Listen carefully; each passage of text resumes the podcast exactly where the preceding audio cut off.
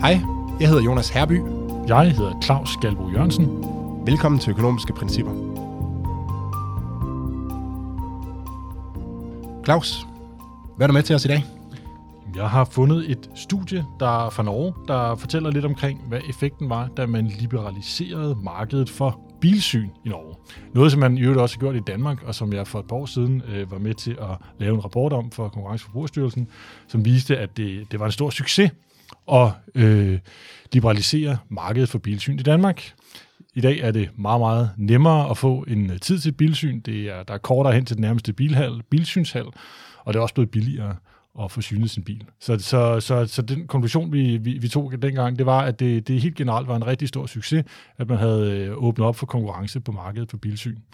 Øh, og, og, det var også, ja. og man havde faktisk ikke set nogen, eller vi kunne i hvert fald ikke dokumentere nogen effekt på kvaliteten af bilsynet. Det var meget få øh, syn hvor Nej. der var fejl i. Ja, præcis, fordi det var jo en, en mulig kritik. Man kan sige, at det frie marked her, øh, er, er kvaliteten der så stadig? Øh, bliver de biler, der, der er farlige for trafiksikkerheden, bliver de rent faktisk dumpet, når det nu ikke er en statslig kontrollør, men en privat øh, aktør, der, der skal tjekke bilen? Det var en kritik, og, og på det tidspunkt kunne vi i hvert fald ikke se nogen indikationer på, at, øh, at der var nogle mm. problemer, øh, hvad det angik i, i forhold til de kontrolrapporter osv., der blev lavet.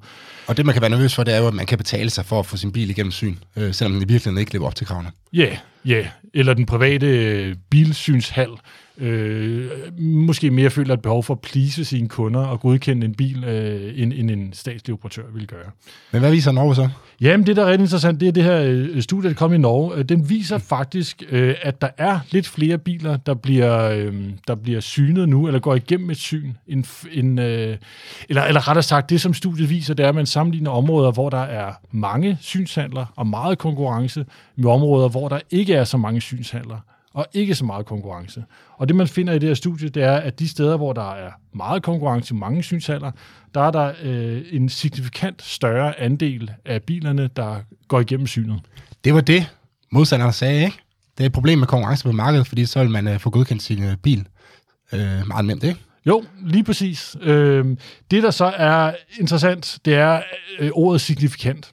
Og det er jo det ord, som økonomer og statistikere bruger meget, og, og det er der også god grund til. Det, det skiller tilfældige udsving fra systematiske udsving, og, og, og gør, at man kan ja, øh, skille mellem, hvornår noget bare ja, sker helt tilfældigt, og hvornår at der rent faktisk er en, en egentlig forskel på det. Men det, som ordet ikke siger noget om, det er, hvor stor forskellen er. Og når man dykker lidt mere ned i tallene, så kan man se, at det er faktisk en meget, meget lille forskel. Øh, virker i hvert fald som en meget lille forskel, der er på de to grupper. Øh, det er en, øh, en, hvad hedder det, øhm, en stigning i den her godkendelsesprocent på, på under 1 procentpoint, øh, og som er væsentligt mindre end de øh, almindelige sæsonudsving, der af en eller anden grund er øh, for de her øh, synshaller. Så, øh, så, så det du siger, det er, at hvis, så hvis der er mange synshaller i et område, så er man nemmere ved at få godkendt sin, sin bil, ja. men effekten er så lille, at den svarer til forskellen mellem at få godkendt bilen om sommeren i forhold til om vinteren, for eksempel. Ja, og det er faktisk mindre end det. Mindre end det, ja. Og, og, og dermed har jeg jo ikke taget stilling til, om det er så et problem. Altså, jeg vil i hvert fald bare konstatere, at effekten ser ikke ud til at være særlig stor. Mm. Øh, så inden man, man øh, springer op og siger, hov, det her det er et kæmpestort problem, øh, vi bliver nødt til at, at, at rulle den her liberalisering tilbage, det skal tilbage på statens hænder, så skal man i hvert fald lige huske, at jo jo, selvom der er en statistisk forskel, en statistisk signifikant forskel, så er det ikke det samme som, at den her forskel den er vigtig og har en, en reel betydning. Det, det er noget, jeg også øh, stødt meget på i mit øh, litteraturstudie af effekten af lockdowns. At der var nogen tit, at der står, at øh, der er en signifikant effekt på øh, af nedlukningen, men når man så så på tallene, så var effekten faktisk, i hvert fald i mine øjne, uh, relativt uh, lille. Så, uh, så man skal huske at skille. Altså bare fordi noget er signifikant, statistisk set behøver det ikke betyde, at det også er signifikant politisk set. Altså det behøver ikke at være vigtigt øh, som sådan. Du har også noget om karteller. Ja. Lidt, det, lidt anderledes historie. En lidt anderledes historie, øh, som, som ramte medierne for nogle uger siden. Øh, inden for det øh, felt, som jeg, som jeg også arbejder en del med i det daglige, nemlig konkurrence, lov og, og, og karteller osv., øhm, der kom en historie frem omkring, øh, at en række øh, musikjournalister havde valgt at boykotte øh, koncertarrangører i Danmark, øh, særligt inden for heavy metal, øh, fordi de var utilfredse, de her musikjournalister var utilfredse med, øh, at de ikke længere fik gratis billetter. Ja, tog til rockbandet Tools, eller heavy metal bandet Tools. Ja, ja, præcis. Øh, og, og, og de her musikanmeldere, de, er- der er åbenbart præcedens for, at de øh, får gratis adgang til de her koncerter, mod at de så øh, kan skrive en anmeldelse af koncerten. Men det kan jeg godt forstå. Altså, hvis ikke man kan få en gratis billet, det er jo reklame, gratis reklame for, øh, for bandet. Så hvis ikke man får en gratis billet, så gad jeg det heller ikke skrive om. Så hvad er det problemet? Nej, og det, det kan man sige, og det, det er jo, det, og det er jo, hvad skal vi sige, kunne man mene var op til koncertarrangøren og journalisten og, og, og finde ud af, om, om de nu skal have den der gratis billet eller ej. Det, der er problemet, og det, der er interessant ved den her, det er, at øh, musikjournalisterne på tværs af nyhedsredaktioner var gået sammen og arrangeret en boykot af de her øh, koncertarrangører og sagt, hvor vi er simpelthen utilfredse med, at de ikke vil give os øh, gratis billetter, og indtil I begynder at give os gratis billetter igen, jamen så vil vi slet ikke anmelde jeres koncerter. Og det var vel at mærke noget, de gjorde, ikke bare på en enkelt nyhedsredaktion, øh, men på tværs af, af, jeg ved ikke præcis, hvilke aviser der var, der mm. i det, men i hvert fald på tværs af en række forskellige medier, altså konkurrerende medier. Så det svarer lidt til at sige, hvis vi skal bringe reklame for jeres band, så skal vi have den her pris. Øh, Lige præcis. og det, det er vi enige om. Og det, Og, og det er det, man øh, som udgangspunkt i hvert fald ikke må. Nu skal jeg passe på med at udtale mig juridisk om den konkrete sag. Men, men som udgangspunkt siger konkurrencereglerne, at konkurrenter, de må altså ikke aftale priser. Så øh, lad os nu sige, at det var øh, tre store morgenaviser. Jamen, de må ikke øh, gå sammen og sige, vi en, en, øh, en annonce på side 3 i avisen skal koste minimum x tusind kroner. Det er aftalt priser, det må man ikke. Det må øh, supermarkederne ikke. Det må øh, hvad hedder det, byggemarkederne de ikke. fleste ikke. Og det må aviserne heller ikke, nej. Og, og det gælder altså ikke kun øh, prisen på de varer, man sælger, det er sådan set også på, på ting, man køber, kan man sige. Øh, det, det, er, det er alle de øh, ting, man kan konkurrere på. Der er det altså forbudt at gå ind og lave sådan nogle aftaler mellem konkurrenter, som udgangspunkt i hvert fald. Vi kan lige linke til historien i, øh, i show notes. Jeg har en med, som jeg synes var ret interessant, som lige øh, udkom, øh, jeg tror det studiet udkom for et par dage siden, øh, som handler om øh, effekten af GDPR-lovgivningen. Øh, og hvis man sidder i en eller anden, ja nærmest stort set uanset hvor man sidder henne i samfundet, så er man sikkert stødt på, øh, på det her GDPR. Øh, det studie her, det kigger på effekten på apps på Google Play, øh, og de finder faktisk, at efter man introducerede GDPR, så var der en tredjedel af de apps, der var på øh, i Google Play, som blev trukket tilbage. Øh, og, de, og i efterfølgende perioden efter man indførte GDPR, så var, hvad hedder sådan noget, altså så, a, a, nye apps, udviklingen af nye apps, den blev halveret. Okay. Så det er altså nogle relativt store effekter af det her GDPR. Øh, noget, og man kan sige, der kan sagtens være nogle benefits ved, at øh, man indfører det her, fordi man får bedre beskyttelse af sine, Ja, af sine altså, data, ja. men det kommer altså med en pris. Øh, og, og diskussionen er selvfølgelig, om den pris er, er tingene værd. Og jeg, man kan godt forestille sig, hvad det er, der gør det svært det her. Ikke? Hvis du sidder på dit kollegeværelse og op på den eller anden app, som du ser, det kan komme til at tjene penge på det her. Altså har du så ressourcerne til at sætte dig ind i GDPR-lovgivningen, bare fordi du måske er god til at kode en, øh, en app? Øh, eller vælger du at sige sådan, okay, så, må, så lad jeg være med at gøre noget øh, på det område? Ja, og, og så vil nogen vil måske sige, at men er det ikke fint, når der kommer lidt færre apps, der er bunker af apps i den der App Store, så hvad er problemet egentlig? Måske. Det, øh, who knows, om der ligger en eller anden øh, ny øh, Angry Bird eller Google Maps ude i alt det der. Det ved vi jo ikke, hvad for nogle apps, der, der, der forsvinder. Uh, men konklusionen er, at når man indfører sådan noget her uh, lovgivning, jamen så, så sker der altså noget ude i markedet, så det har altså en omkostning. Uh, om det så står mål med gevinsterne, det, det, det skal jeg ikke kunne udtale mig om. Nej, præcis. Og det, er, det er jo bare selvfølgelig en blandt mange omkostninger ved den øh, regulering. Øh, alle, der, der har arbejdet i, i en virksomhed eller en frivillig forening eller noget som helst, de, de kender jo til, øh, at, at, at GDPR det er noget, man skal forholde sig til, og, Ja. og, og, og giver noget ekstra bøvl. Men Ja, der er vi- selvfølgelig også nogle benefits. Jeg har jo siddet i bestyrelsen både i fodboldklubben og også i vores øh, haveforening, der hvor vi bor. Øhm, og det er, jo, det er jo ting, vi snakker om på bestyrelsesmøder. Om hvad, vi, hvad må vi egentlig gemme på, af data på beboerne og sådan noget. Øh, og vi kender jo ikke lovgivningen, så ja, der, der er set også masser af ting, hvor man så vælger med at slette ting, som man egentlig gerne måtte beholde. Men det er jo, en, det er også, noget- selvom man, selvom man overimplementerer lovgivningen ude i det enkelte led, så er det jo stadigvæk en reel omkostning, for det skyldes jo, at man ikke kan overskue lovgivningen, så vælger man altså at være på den sikre side. Ja. Og det er altså det, man skal holde op imod de gevinster, der selvfølgelig også er ved at, at beskytte folks privatliv. Inden vi går videre, så har jeg lige en, øh, en interessant ting, som er sådan lidt mere fremtidsagtigt. og det var, at jeg læste en historie om øh, en robotcafé, hvor man havde robotter, som serverede øh, for kunderne, og ligesom agerede som, øh, som tjener. Og det fik mig til at spekulere på, at øh, hvad vil den her nye teknologi, eller ny er den jo ikke, men hvad vil den her teknologi egentlig kunne betyde for fremtidens arbejdsmarked? Altså en af de ting, vi har svært ved i dag, som blandt andet Produktivitetskommissionen også har, vist, det er, at, øh, at produktiviteten i serviceerhvervene er meget er relativt lav i forhold til i, øh, de andre erhverv. Og en af grundene er jo, at det er svært at importere, altså det er svært at få klippet dit, dit hår af en, øh, en person i Indien. Ja. Øh, men det vil det her jo godt øh, teoretisk set kunne løse. Altså hvis du har en... Øh, du mener, hvis man får sådan en hårklipper-robot? Jeg mener, jeg mener hvis, du har, hvis du får robotter, som, øh, som kan løse som kan styres af mennesker, mm. øh, som sidder et helt andet sted. Øh, hvis du kan sidde på en restaurant, så kommer en robot hen til dig og tager imod ordren, ved at du øh, snakker med en øh, via Google Translate, øh, og han styrer så robotten rundt og laver de ting, som, øh, som en tjener nu, en, nu engang gør, øh, og observerer øh, gæsterne, som en tjener nu engang øh, gør.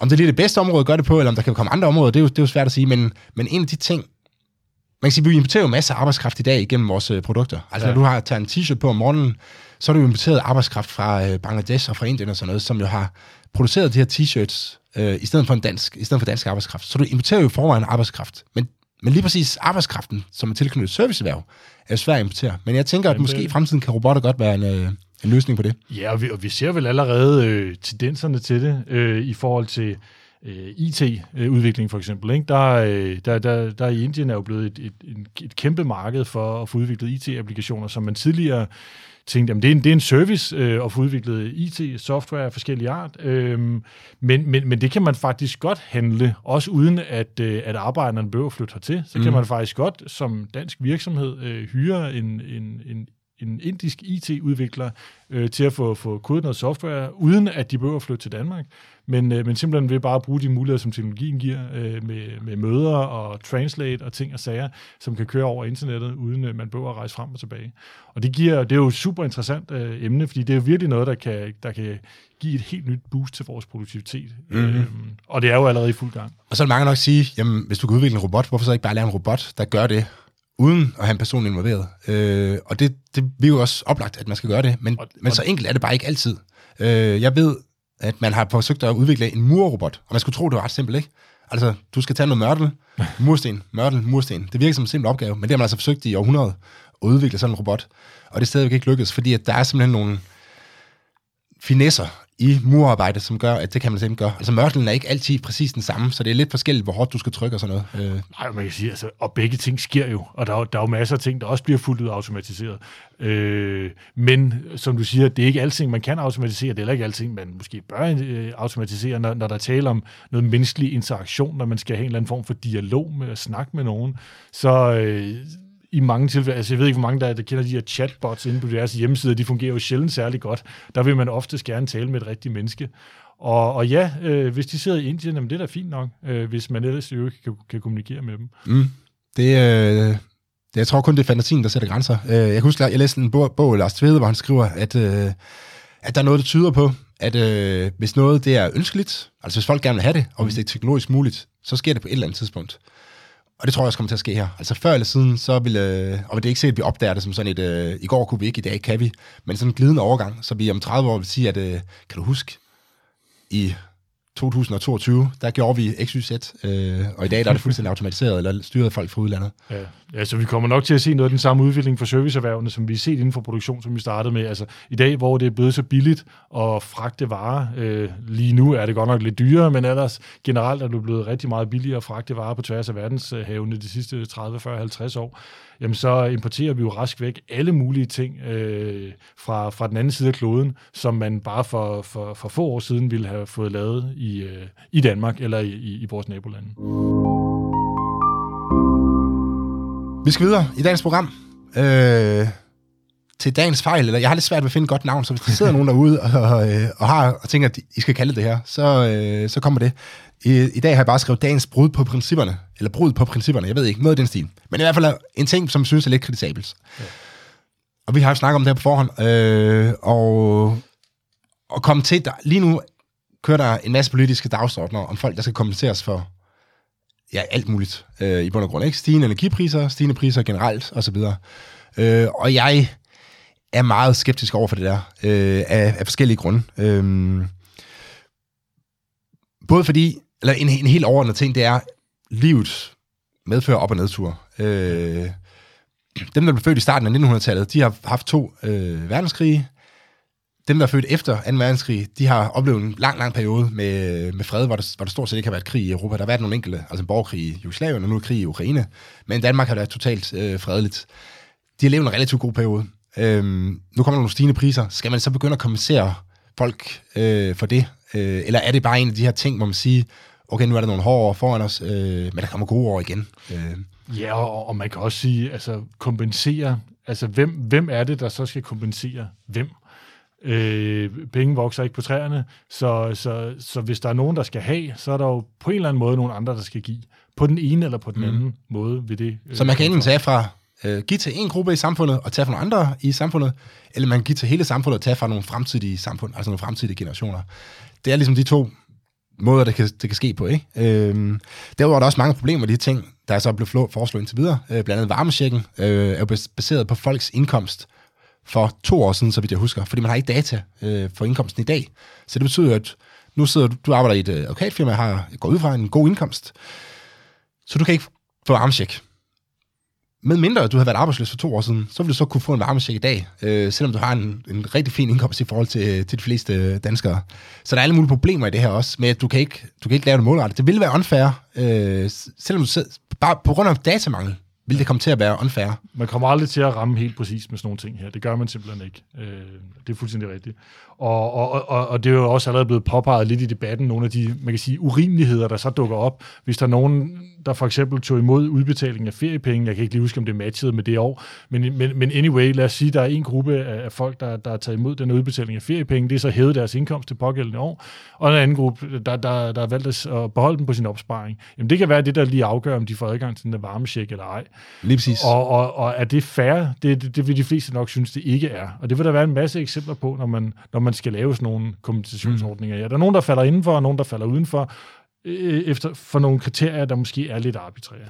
I sidste ende kan man sige, hvis det er noget, der rammer nogle enkelte grupper, f.eks. stigende gaspriser, på et eller andet tidspunkt i deres liv har de valgt at købe en bolig, som bliver opvarmet af gas. Så stiger gaspriserne. Det er selvfølgelig surt for dem. Men hvem har truffet beslutningen til at starte med?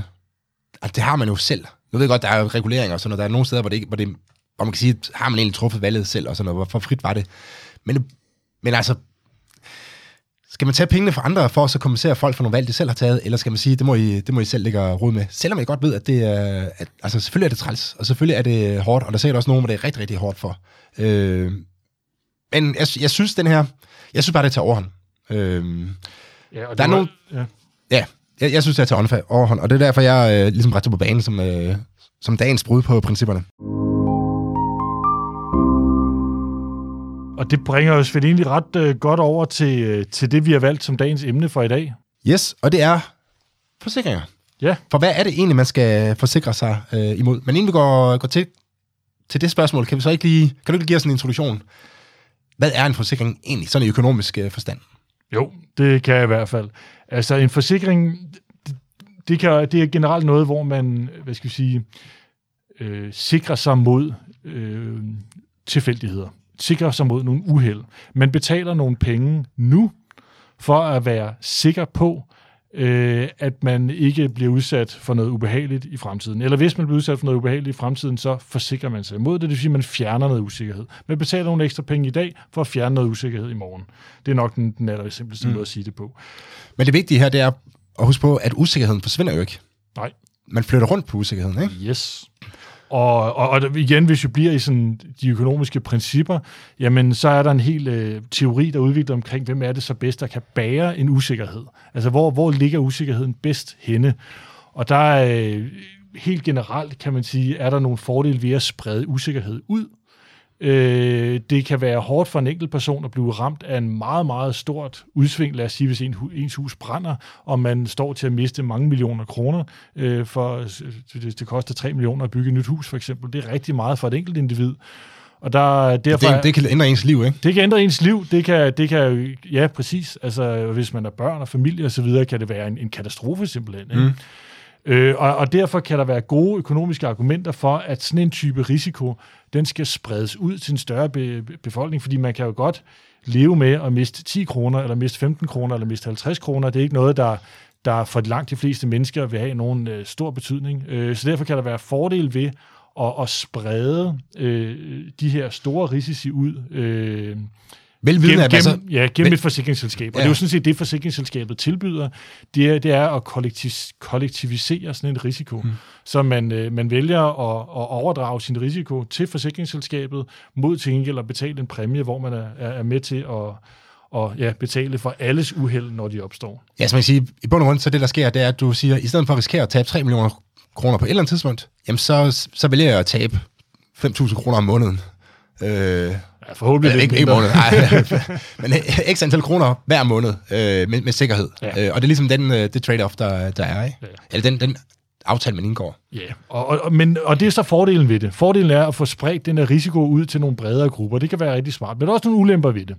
Fordi vi, øh, vi ved alle sammen godt, at, øh, at hvis man forsikrer sig mod et eller andet, så kan der være en tendens til, at man passer mindre godt på. Mm. Jeg har Øh. engang forsikret mine, da, da der kom digitale kameraer, der kunne man få sådan en forsikring, som gjorde, at, øh, at man bare kom ned uden no questions asked, og så få et nyt øh, kamera, hvis det var gået i stykker. Ja.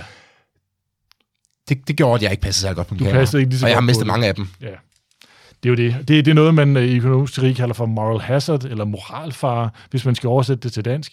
Jamen det er det, at ens, øh, ens gode moral kommer lidt i fare, når man ved, at man ikke selv dækker regningen, øh, når man ikke passer på. Og det øh, vil, øh, de fleste mennesker opfører sig selvfølgelig fornuftigt, men i gennemsnit vil folk opføre sig en lille smule mere skødesløst, når de ved, at de ikke selv bærer konsekvenserne for deres handlinger.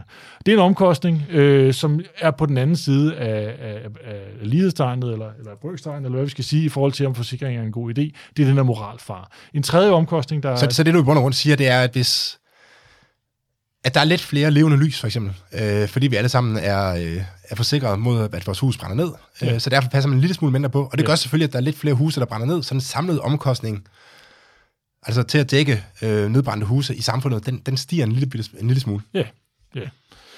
Et, et et andet problem er også øh, et, øh, et, et selektionsproblem, som man kalder det. Øh, hvem er det, der har lyst til at tegne en forsikring mod et eller andet? Jamen, det er jo typisk folk, der, der tænker, at de har en lidt større risiko end gennemsnittet for, at der er noget, der går galt.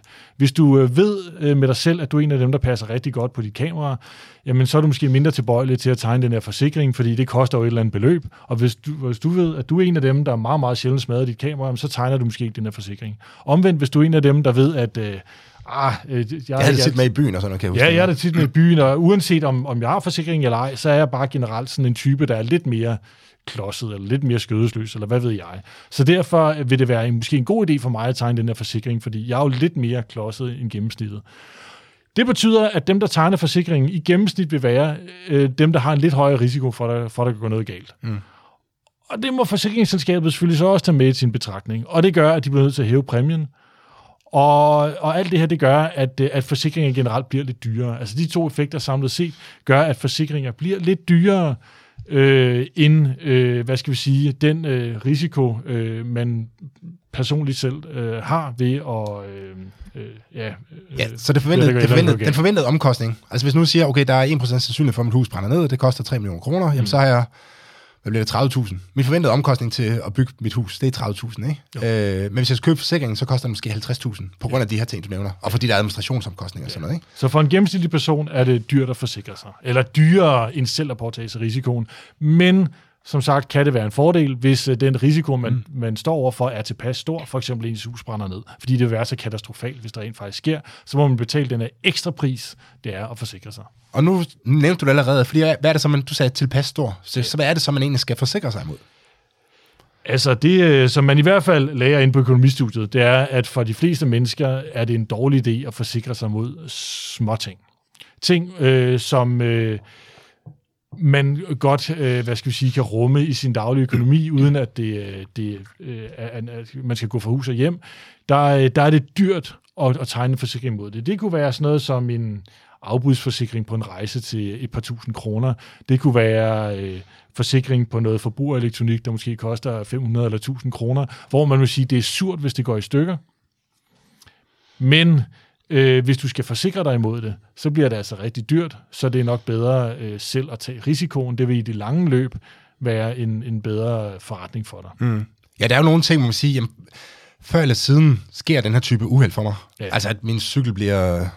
At jeg- jeg styrter så meget med cykel, eller at jeg taber noget øh, elektronik, eller et eller andet. Altså, de her små uheld Ja. sker for alle på et eller andet tidspunkt. Ja. Og det betyder, at hvis man forsikrer sig mod det, så, så sker det jo så også for dig øh, gennem forsikringen, øh, men du kommer bare til at betale en højere pris for det, Yes, på grund af de ting, vi har, har snakket om. præcis. Så man skal jo finde det rette leje, hvor man ligesom siger, at jamen, det her, hvis, hvis det her går galt, så kan det være en game changer for mit liv, så, der, øh, så det forsikrer jeg mig imod. Mens de her, de her ting, som for mig er småting, og det er jo selvfølgelig forskelligt fra person til person, Det er fuldstændig. men det skal jeg ikke forsikre mig imod, fordi de vil ske før eller siden. Øh, altså jeg er øh, klodset og, og glemsom, eller nok mest glemsom, øh, så, så jeg glemmer jo ting og sager i, øh, i toget og sådan noget hele tiden. Nu, nu ved jeg ikke, om man overhovedet kan forsikre sig mod det. Øh, men det er sådan nogle ting, som jeg nok ikke... Jo, det, ja, det, det kunne så godt være, jeg skulle, fordi jeg så har en højere risiko end gennemsnittet, ikke? Men, men jeg skal ikke rende rundt og så tegne... Det, det er en dum idé at så rende rundt og så tegne alle mulige øh, småforsikringer, som ikke påvirker ens liv markant. Mens yeah. det, medmindre man er meget, meget, meget påpasselig, meget, meget forsigtig bilist, øh, altså virkelig adskiller sig fra, øh, fra gennemsnittet, bør man nok forsikre sin bil, hvis man har en bil til 500.000 kroner eller noget. Ikke? Præcis. Så, så for den gennemsnitlige person vil det være bedre at bruge de penge, man ellers ville have brugt på forsikringer øh, i en opsparing, og så spare dem op. Og så i takt med, at der sker de her små uheld, jamen, så kan man trække lidt på sin opsparing. Og så for den gennemsnitlige person, når der så er gået x år, jamen, så vil der være plus på kontoen. Altså så vil man simpelthen have, have flere penge mm. tilbage på den konto der, øh, opsparingskonto, i forhold til, øh, selv når man har trukket de uheld fra, der er sket, øh, fordi man så har sparet en masse på forsikringer. Men så lad, os, så lad os prøve at brede det, det, det er jo sådan en personlig plan, kan man sige. Ja. Ikke? Men så lad os brede det lidt ud som, øh, til, til samfundsdiskussion, for lad os, altså igennem velfærdsstaten og igennem det politiske system, kan man sige, der, er vi jo, der blev vi jo forsikret. Vi har jo snakket lidt om de her kompensationer, som er en form for sik- forsikring, ikke? Mm. Øhm, mm. Men der blev vi forsikret mod alle mulige ting og sager. Øhm, Ja, ja, altså man kan jo sige, at vi er ge- gennem, gennem velfærdssamfundet, gennem staten, øh, øh, tager vi nogle forsikringer mod, mod, mod alt muligt. Det, er- det er ikke en forsikring, vi selv vælger at tegne i et forsikringsselskab. Det er noget, vi hvad kan sige, automatisk er fortegnet øh, gennem staten. Så man siger nu, jeg ved for eksempel, at jeg skal, tegne, jeg skal tanke min bil en gang imellem. Øh, men det er jo ikke noget, jeg forsikrer mig mod, at jeg skal tanke min bil. Øh, for det er jo fuldstændig åndssvagt, de grunde, som vi har siddet og, og snakket om. Øh, det betaler jeg bare, når det er, jeg har brug for det. Ja. Det kan man også godt sige om for eksempel øh, læger, at jeg ved en gang imellem, så skal jeg til læge, øh, og så siger han, der, du skal lige træne din skulder, eller hvad det nu kan være. Øh, men det er sådan nogle små ting, som, som jo er lidt samme princip. Altså jeg ved bare, at der er nogle driftsomkostninger ved at holde min krop, øh, krop kørende, og en af dem, det er, at jeg skal gå til læge og til tandlæge og sådan nogle ting, sager, øh, som ikke i sig selv, som jeg aldrig nogensinde selv vil forsikre mig mod. Men det har vi jo valgt at gøre gennem øh, statskassen, at vi er, i at det er gratis at gå til læge. Og det, Ja. og det kan man jo godt diskutere, om det er en smart idé, faktisk. Ja, ja, fordi der har man valgt fuld forsikring uden nogen selvrisiko, så at sige. Altså, det, det, der er gode økonomiske argumenter for, at, øh, at i hvert fald de store regninger er man forsikret imod. Øh, Ja, altså, hvis jeg kommer til læge, og de så siger, at du har kræft, og du skal have en behandling, som koster 15 millioner kroner, ja. det vil jeg gerne forsikre sig imod. Uanset om så staten gjorde det, Og, eller og, og måske også lidt mindre end det endda. Også mindre end det, ja. men, øh, men hvis jeg kommer til lægen, og han bare siger, at når gå ind på det her link, der er nogle træningsprogrammer, så kan du... Øh, så prøver jeg at lave dem og se, om ikke det går over den smerte, Ja. du har i skulderen. Det, Ja. Ja, altså Det- en, en almindelig konsultation, øh, hvad er det, den koster sundhedssikring? Jeg mener, det er omkring 150 kroner eller noget den dur. Øh, det kunne man godt diskutere, hvorfor det er, at vi har valgt at, øh, at tegne en forsikring for det øh, gennem mm. skattesystemet.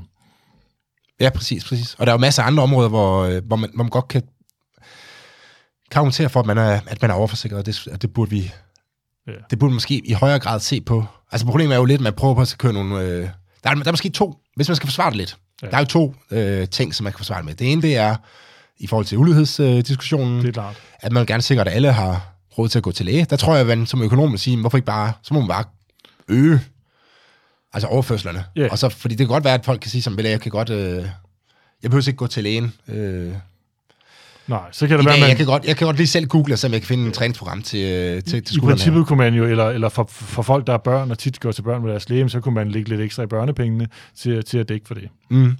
Øhm, ja, så, det, så, man, så uligheden vil jeg mene i hvert fald, man kan håndtere på gennem, øh, det, det er jo typisk resultat i hvert fald, det er, at man kan håndtere det gennem bedre, eller bedre gennem skatter og overførsler. Ja. Altså det direkte ja. midler til at så håndtere ulighed.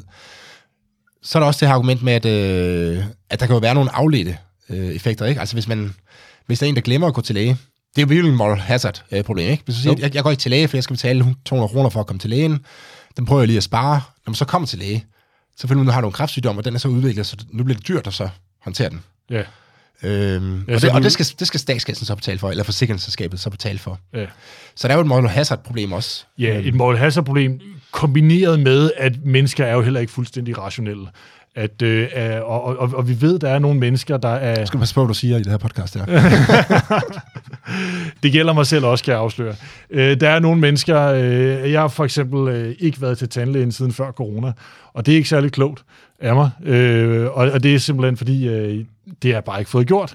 Og, og det er rigtig, rigtig dumt, fordi øh, det, de kan tage nogle ting i opløbet, som gør, at man undgår nogle store regninger. Og, og der er et argument der, øh, og jeg har ikke undersøgt validiteten af det, men der er et argument der for at, at, at lave barn lidt lavere for at gå til lægen, mm. for at tage nogle ting i opløbet.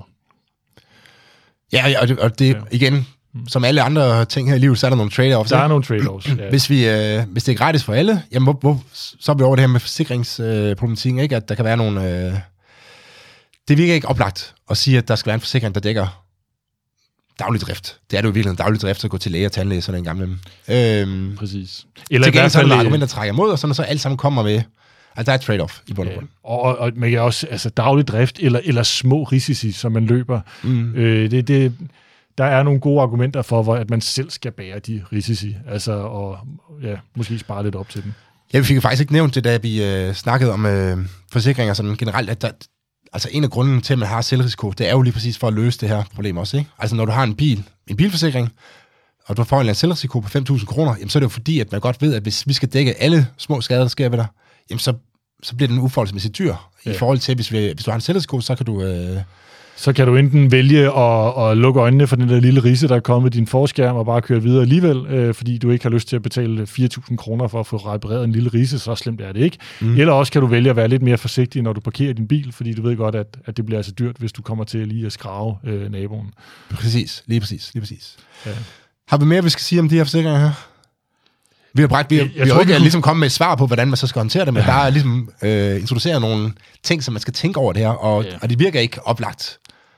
Jeg, jeg er svært ved at se det oplagt i, at øh, altså, det er jo en relativt lille pris for at gå til læge. Øh. Ja, så man kan sige to, to uh, tip til, til lytterne derude. Det ene er, uh, overveje jeres forsikringer, især de små forsikringer. Overveje jeres selvrisiko. Uh, hvis der jeres forsikringsselskab siger, at man betaler 1000 kroner eller 3000 kroner ekstra om året for at slippe for selvrisiko på din bilforsikring, så overvej lige en ekstra gang, om, om det nu også er en god idé, eller om det er smart, at du selv bærer den selvrisiko. Mm. Og så er der i forhold til, hvordan vi indretter samfundet, næste gang øh, der er nogle politikere eller andre, der, der, der, der foreslår, at, øh, at, at staten skal gå ind og tegne en forsikring på vores allesammens vegne, øh, fordi det jo er synd for, for folk, at der sker et eller andet, så overvej lige en ekstra gang, om, om det nu også er en god idé, eller om vi hellere skulle acceptere, at, øh, at, at livet er usikkert, og vi skal beskytte mod, øh, mod de rigtig mm. slemme ting, men de små ting, der er måske nogle fordele ved, at folk de selv øh, bærer den risiko. Og så husk, når de siger, at nu skal der være gratis tandpleje for øh, unge under 22 år, så svarer det lidt til at sige, at de får en,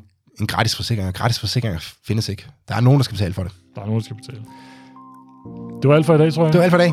Tak fordi I lyttede med få mere økonomisk indsigt næste gang, hvor vi øh, endnu en gang vil begive os ud i at forklare, hvorfor verden ikke er så simpel, som man tror, og hvordan det økonomisk teori og empiri kan hjælpe os med at forstå, hvordan verden hænger sammen. Du kan finde links og læse lidt om Claus og mig i øh, show notes, øh, hvor du også kan finde vores øh, Twitter-handles. Tak for i dag.